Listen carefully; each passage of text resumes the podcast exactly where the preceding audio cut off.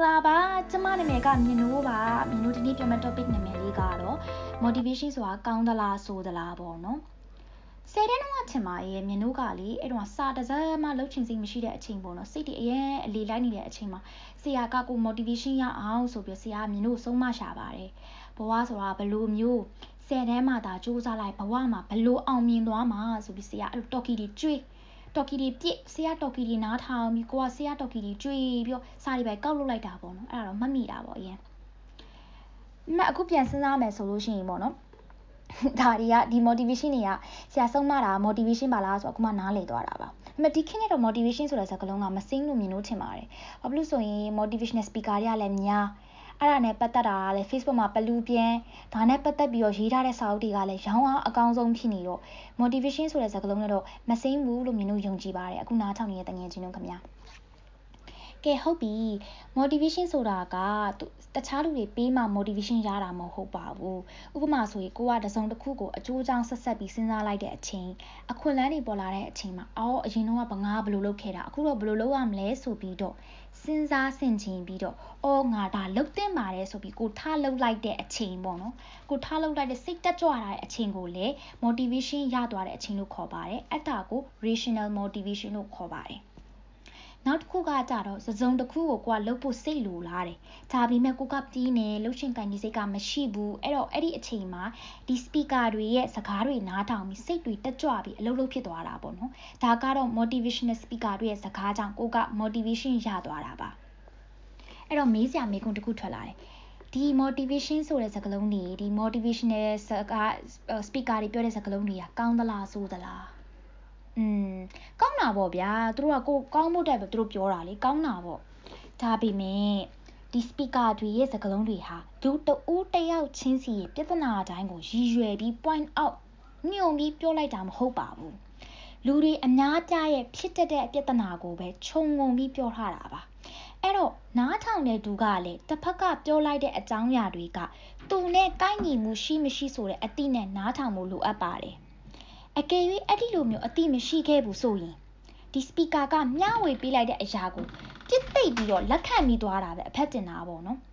ခက်တာကလည်းဒီ motivational speaker တိုင်းပြောလေးပြောထားတဲ့စကားလုံးပြောလေးပြောထားရှိတဲ့စကားလုံးတွေကလေ don't worry be happy အဆင်ပြေသွားမှာပါအကောင်းမြင်နိုင်အောင်စူးစမ်းကြပါ positive thinking ဆိုတာဘလို့အရေးကြီးပါတယ်ကြာရှုံးဖို့မရွေးချယ်လိုက်ပါနဲ့ never give up အပေါ်နော်ဘဝဆိုတာဘလို့အောင်မြင်ရမလဲ ဒါတွေကိုပဲသူတို့ပတ်ပတ်ပြီးမရှိမဖြစ်ဒီစကလုံးတွေကိုပဲပြောနေကြတာပေါ့နော်ဒါတွေလည်းကိုသိပါဒါတွေလည်းလူတိုင်းသိတာပေါ့နော်ဒါပေမဲ့လည်းသူတို့စကားတွေကိုနားထောင်ကိုစိတ်ကိုကိုပင်ပန်းအောင်လုံးမိတာတွေကိုလူတွေကမမြင်ကြပါဘူးဘာဖြစ်လို့ဆိုရင်အဆင်ပြေသွားမှာပါလို့သူတို့ပြောတယ်။အော်ဘသူကအဆင်မပြေပဲနေခြင်းပါမလဲ။ဒါပေမဲ့သူ့အချင်းနေသူ့အချင်းကကြောင့်အဲ့လိုဖြစ်သွားတာလေ။ အကောင်းမြင်နိုင်အောင်စူးစမ်းကြပါလို့ပြောပါတယ်။လူတိုင်းကအကောင်းမြင်ခြင်းပါတယ်။ဒါပေမဲ့လေကိုကအရန်စိတ်ပင်ပန်းနေကိုအရန်ဒေါ်လာထွက်နေတဲ့အချိန်မှာဘသူကအကောင်းမြင်နိုင်မှာမလဲကြာရှုံးဖို့မရွေးချယ်ပါနဲ့ဘသူကကြာရှုံးကျင်မှာတော့ဒါတွေကိုလည်းကိုတို့သိရင်နော်လူတွေကလည်းသိရင်နော်ဒါပေမဲ့ဒီ motivation စကားတွေကိုနားထောင်ပြီးတော့ကိုစိတ်တက်ကြွအောင်လုပ်ကြတယ်ဒါပေဒါအပြင် motivation တတိထားမိတတိထားမိကြတာတော့မြင်လို့မပြောတတ်ပါဘူးဒါပေမဲ့အများပြကပေါ့နော် motivation ရသွားတဲ့လူတိုင်းကလေအနည်းနဲ့အများ confidence ရသွားတယ် confidence ဆိုတဲ့ယုံကြည်မှုရသွားတယ်ဒါပေမဲ့ပြဿနာကလေ over confidence ဆိုတဲ့လွန်လွန်ကျူးကျူးယုံကြည်အဲ့လိုမျိုးလွန်လွန်ကျူးကျူးယုံကြည်မှုရသွားတဲ့အချိန်မှာလေလူတွေကသူတို့ရဲ့ strength and weakness ဆိုတဲ့သူတို့ရဲ့အားတာချက်အားနာအားနည်းချက်ကိုမေ့သွားကြတာပေါ့နော်တတိမထားမိကြတာတွေလည်းဖြစ်သွားပါတယ်အဲ့တော့ ဘာဖြစ်သွားလဲဆိုရင်တခြားလူတွေကငါတာတယ်တခြားလူတွေကငါပိုစူးစားရမယ်အောင်မြင်ကားမယ်ဆိုပြီးဘဝင်မင်းစိတ်တွေကိုသူတို့မွေးမြူမိသွားကြပါတယ်